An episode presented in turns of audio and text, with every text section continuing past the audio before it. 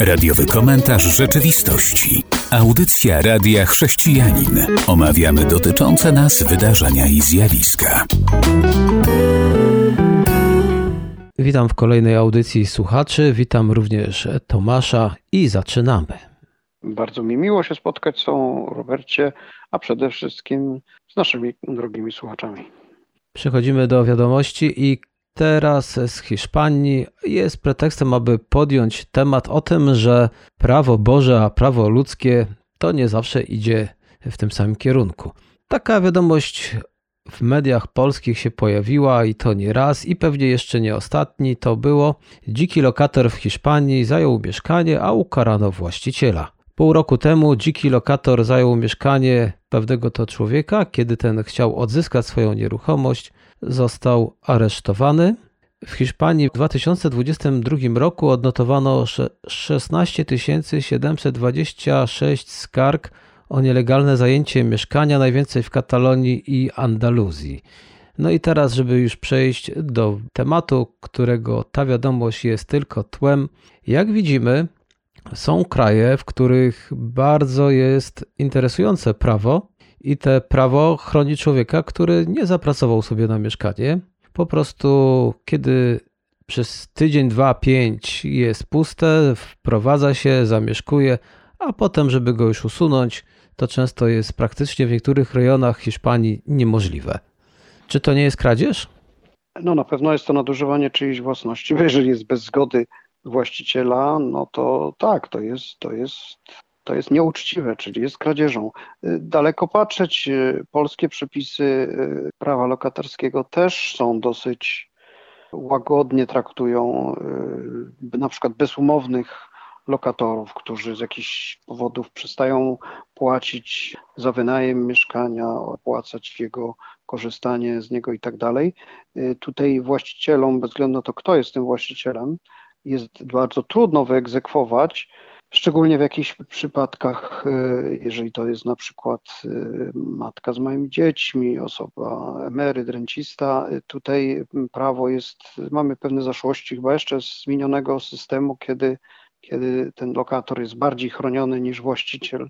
I to nie jest tylko problem Hiszpanii. Oczywiście każdy kraj ma swoje szczegółowe rozwiązania, ale to się wiąże też z tym, że, że jak na przykład niejednokrotnie partie lewicowe podnoszą, że mieszkanie nie jest nie jest przywilejem, ale jest nieodłączną potrzebą człowieka i ono jest jakby posiadanie możliwości zamieszkania jest świętością.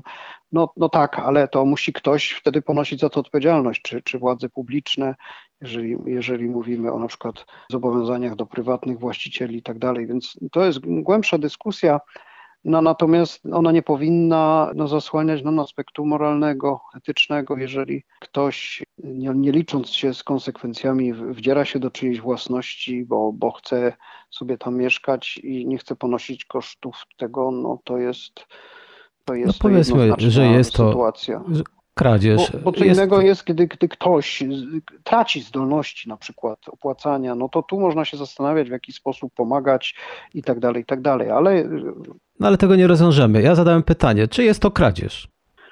No tak, no jeżeli ktoś bez zgody właściciela przy, przywłaszcza sobie to, Czyli jest kradzież. No to, Czyli... jest, to jest złodziejem. No. Czyli jak widzimy są państwa, które legalnie dopuszczają do tego, aby złodzieje mieli się dobrze, a chodzi mi o sytuację, kiedy Biblia mówi, i to jest nie kradnij, a państwo pozwala, i dlatego chrześcijanie czasami muszą postępować kierując się tym, co Pan Bóg ma do powiedzenia, więc żaden chrześcijanin nie dopuści się takiego czynu, żeby zamieszkać gdzieś w cudzym mieszkaniu, nie płacąc i na dodatek jeszcze potem kiedy należy opuścić to mieszkanie, to on powie nie i będzie mieszkał tak, jak i to w Polsce wspomniałeś. Bywa pół roku, ale płaci nie ten, który tam się nielegalnie wprowadził, tylko właściciel, który z tego nie korzysta, a musi wszelkie media opłacać. Tak samo w Hiszpanii, jak i w Polsce i pewnie w wielu krajach, gdzie jest to dopuszczone. A teraz chcę odwrócić na koniec jeszcze tą myśl. Czasami są kraje, które czegoś zabraniają, na przykład mówienie o Panu Jezusie, dzielenie się Ewangelią, a ten kraj tego zabrania albo zabrania, tak jak już w jednej z naszej poprzedniej audycji była o tym mowa, zabrania posiadania Pisma Świętego. Tak więc, jak widzimy, są takie sytuacje, w których państwo na coś pozwala, ale chrześcijanin nie może sobie na to pozwolić. I są sytuacje, kiedy państwo zabrania, a chrześcijanin wręcz powinien sobie na to pozwolić. No i taką to wiadomością zaczynamy. Za chwilę przerwa muzyczna, ale zanim się to stanie, to może jeszcze przejdźmy do kolejnej wiadomości. Białoruś. Tam trwają rozmowy, bo zmienia się ustawa o wolności sumienia i organizacjach religijnych. Do zeszłego tygodnia opinia publiczna mogła zgłaszać uwagi do projektu, jak donosi serwis Invictory. I według tego serwisu nowe poprawki mogą doprowadzić nawet do zniesienia wolności sumienia. A co jeszcze takiego w praktyce? No to, że nawet modlitwa w mieszkaniu może być już przestępstwem.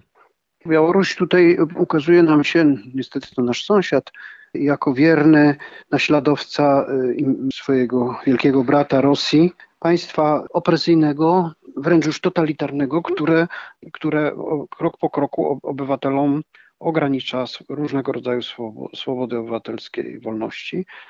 No, wolność wyznania, sumienia, wolność słowa to są jedne z podstawowych w nowoczesnym, cywilizowanym świecie wydawałoby się niezbywalnych praw człowieka, a w środku Europy widzimy postępujący regres. Cofanie się do, do, do czasów, kiedy to władza uważała, że panuje nad sumieniami ludzkimi i może dyktować, ograniczać, narzucać. To jest strasznie niebezpieczna tendencja. Może być to przejaw paniki, w jaką wpada e, ta, ta władza, że jest słaba i boi się obywateli. W dobie mediów społecznościowych, nawet ograniczanych, myślę, że to, to niczego dobrego nie doprowadzi, bo ludziom się nie zabroni myśleć. Nie jest tak łatwo e, ludzi ograniczać teraz, jak to było jeszcze kilkaset lat temu.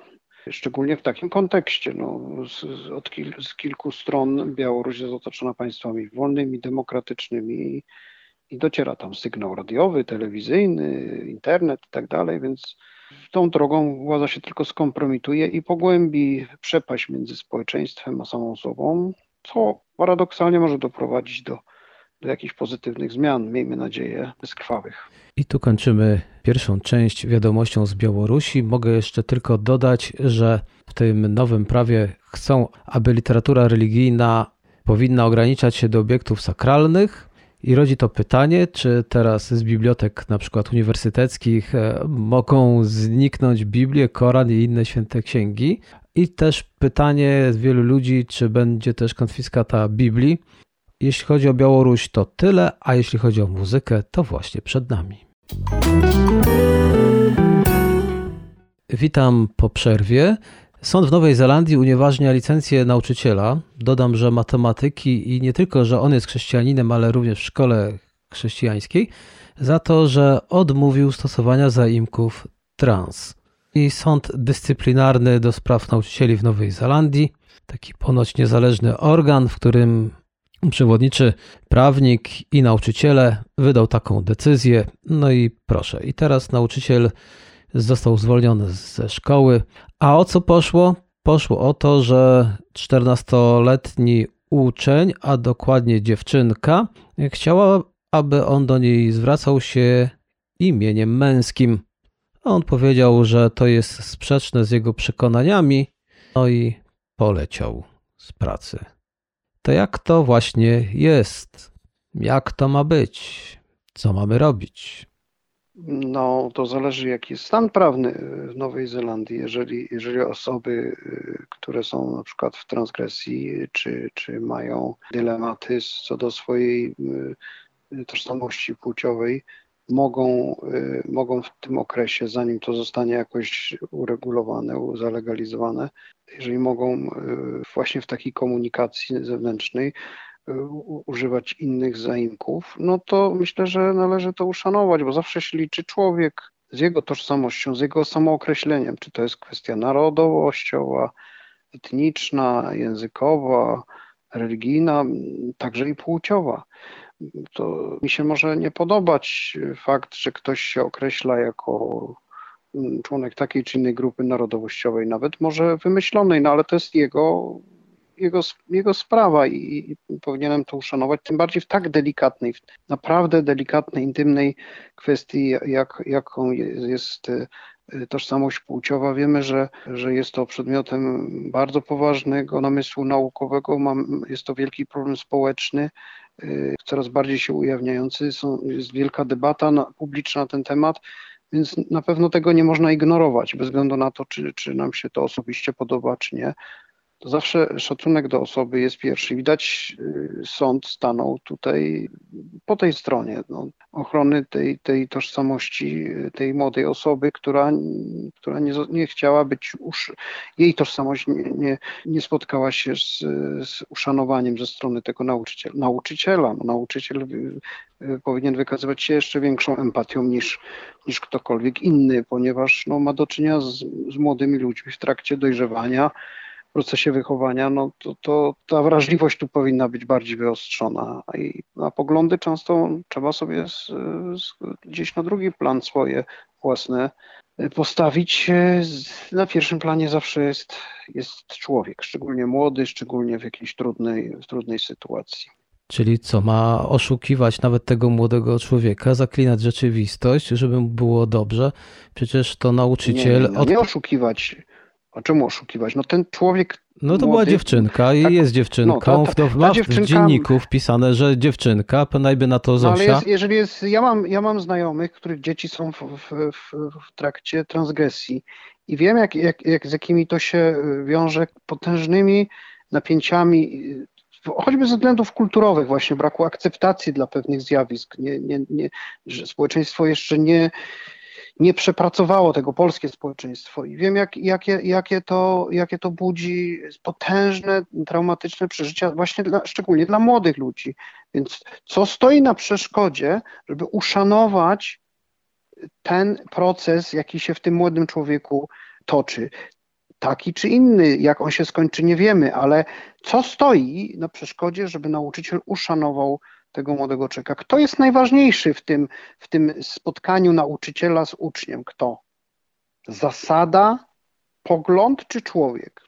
Ale tutaj ja, ani o zasadzie nie ma pana mowy. Jezusa, który, który y, kreśląc coś tam na, y, na piasku, zwrócił się do faryzeuszy, że jeżeli ktoś jest bez grzechu, niech pierwszy rzuca kamieniem, a przecież przyprowadzili mu cudzołożnicę, osobę, która złamała prawo moralne, prawo dane, przez Boga Mojżeszowi.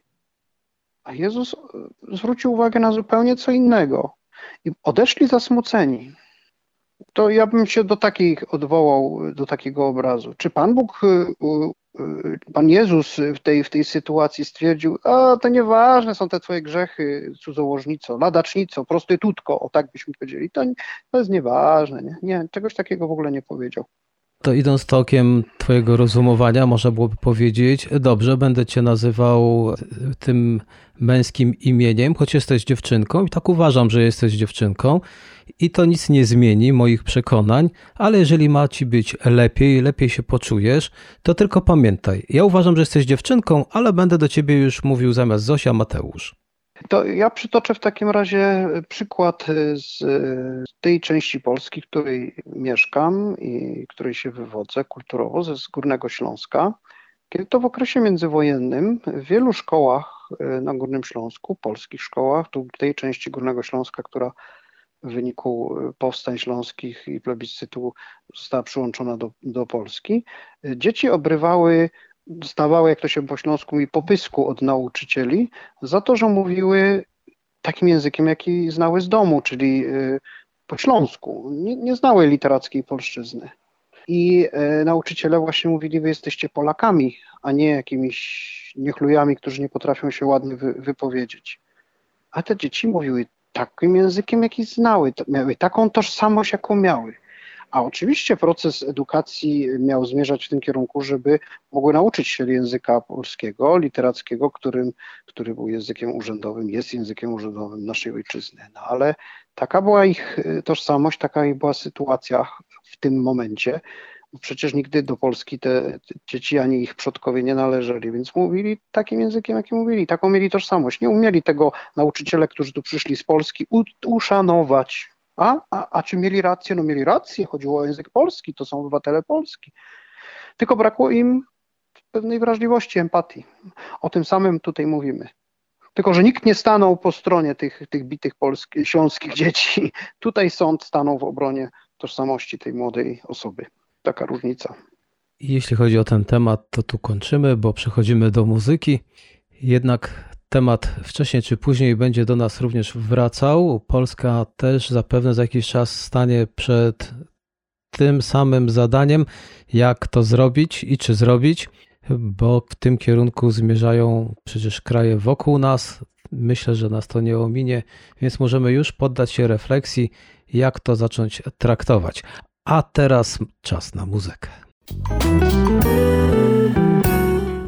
Witam po przerwie i w tej naszej ostatniej części chcemy powiedzieć o zaufaniu i o mediach.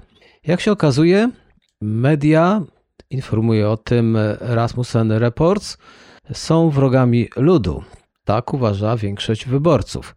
Większość wyborców nie ufa wiadomościom, które otrzymują o polityce, między innymi o tym, co słyszą, czy o Donaldzie Trumpie, czy o też innych politykach. Najnowsze krajowe badanie telefoniczne i internetowe tejże to grupy wykazało, że tylko 30% prawdopodobnych wyborców w USA twierdzi, że ufa wiadomościom politycznym, które otrzymują. I jest to spadek, czyli ta ufność w media spada. 52% twierdzi, że nie ufa wiadomościom politycznym, a 19% nie jest pewnych. 52% nie ufa wiadomościom politycznym, no to już mówiąc szczerze, to gdzie są te media godne zaufania? To mowa o Stanach Zjednoczonych, ale przecież u nas w Polsce też mamy teraz gorącą atmosferę i też mowa jest w mediach o polityce. Czy my ufamy? No, myślę, że u nas, gdyby przeprowadzić takie badania, e, wynik byłby jeszcze bardziej e, zasmucający, ponieważ skądinąd wiemy, że, że społeczeństwo polskie należy do do takich, których y, stopień zaufania społecznego to, to się mierzy w różnych kwestiach y, międzyludzkich, do różnych instytucji życia publicznego, państwowych, społecznych. Mamy jeden z najniższych w Europie. Stany Zjednoczone i wszystkie rozwinięte kraje demokratyczne no one się zasadzają na jednej właśnie z takich prawd o, o, o zaufaniu. Trzeba wybudować społeczeństwo obywatelskie, praworządne, musi być silne zaufanie. Ono się buduje oczywiście długo i warunki do tego muszą być sprzyjające. My tego nie mamy, więc media, które są częścią życia publicznego, przy niskim zaufaniu społecznym pewnie też nie posiadają zbyt wielu takich, którzy y, ufają ich przekazowi. I to, i to jest bardzo smutne, dlatego że, że żyjemy w świecie zglobalizowanym, gdzie jest natłok różnych informacji i pytanie, skąd czerpiemy rzetelną wiedzę o danej dziedzinie życia, na przykład o polityce jeżeli następuje polaryzacja społeczna, tak jak w Polsce, która się przekłada na, ta polaryzacja polityczna przekłada się na e, polaryzację medialną i tak dalej, to jest pytanie, skąd przeciętny e, obywatel, wyborca bierze rzetelną wiedzę na jakiś temat, by na przykład podjąć odpowiedzialną e, za, za, za państwo decyzję w, w kontekście wyborów. To jest ta refleksja jest smutna, że żyjemy w czasach y, bardzo niebezpiecznych. Stąd w wielu krajach populizm w polityce się szerzy, bo, bo przy braku zdolności czerpania solidnej wiedzy ludzie są podatni na, na manipulacje, potężne manipulacje emocjonalne. Brak rozsądku, no to tam, tam buszują emocje, które nie są najlepszym doradcą w, w ważnych decyzjach, na przykład w decyzjach wyborczych. Tylko czy ludzie chcą myśleć? Przecież e, gdyby chcieli myśleć, chcieli gdzieś sięgnąć, no to może, mam taką nadzieję, znaleźliby jakieś źródła. Ale przecież to już u nas fachowcy mówią, że ludzie idą na wybory i kierują się emocjami, a nie przemyśleniami, rozsądkiem, wiedzą na temat programów partii. No, y, jeżeli chodzi o nasze społeczeństwo, trochę temu się nie możemy dziwić, dlatego że my nie mamy głębokich tradycji demokratycznych, dużej partycypacji świadomego elektoratu.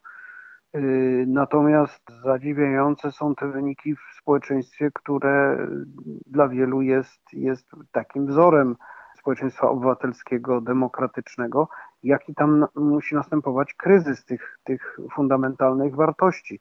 Skoro, skoro y, media tracą y, zaufanie społeczne, to wszystko sprawia, że no, zaczyna brakować optymizmu y, przy patrzeniu w przyszłość, y, powiem górnolotnej cywilizacji.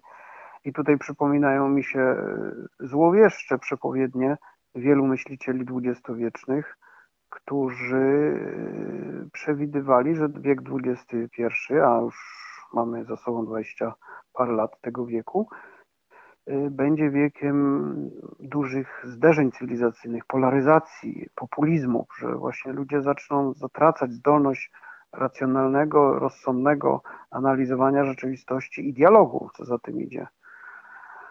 Y, także nie jest to, nie napawa to optymizmem, no nie jest to wesołe, takie informacje.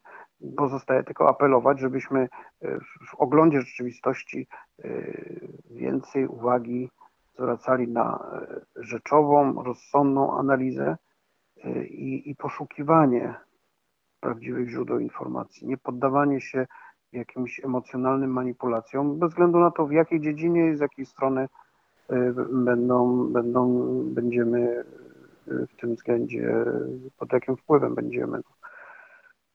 Myślmy, pytajmy, rozmawiajmy, szukajmy, nie reagujmy zbyt pochopnie, bez względu na to, czy są to decyzje kulinarne, czy polityczne. No. W każdych decyzjach kierujmy się zdrowym rozsądkiem.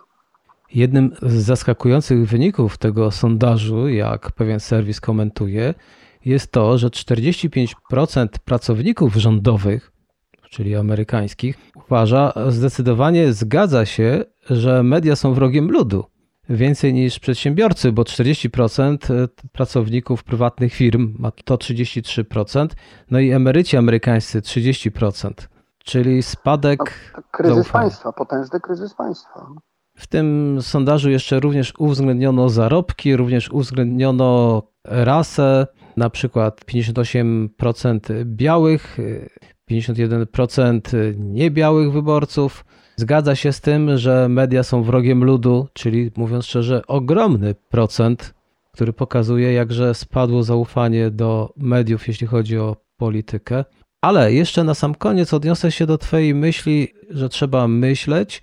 To kłania się w jakiś sposób też inteligencja. W pewnej to stacji radiowej tak kiedyś mimowolnie usłyszałem, więc nie wszystko, ale zaproszono tam fachowca, który podzielił się badaniami. Są ponoć w Polsce prowadzone od lat co roku badania na temat inteligencji uczniów ostatnich klas liceów. I okazuje się, że od któregoś tam roku, jeśli dobrze pamiętam, 2015, mogę się pomylić, proszę mi wybaczyć, ale z roku na rok inteligencja wśród uczniów spada.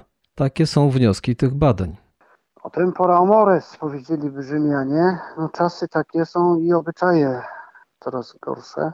No to nic tylko brać się do roboty, czytać więcej, rozmawiać, nie poddawać się manipulacjom emocjonalnym takim czy innym.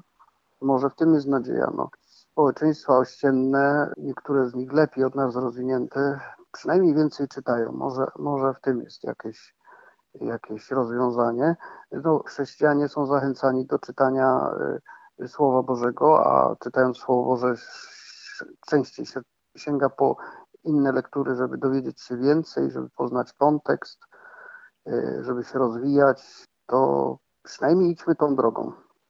No to jest pomysł, aby w jakiejś kolejnej audycji wspomnieć o książkach, co też pewnie zrobimy, może jakąś polecimy, ale teraz nasz czas już dobiegł do końca. Dziękuję Tomku za Twoje opinie, dziękuję słuchaczom za uwagę. Do usłyszenia. Do usłyszenia miłym słuchaczom i do usłyszenia Robercie. Był to radiowy komentarz rzeczywistości.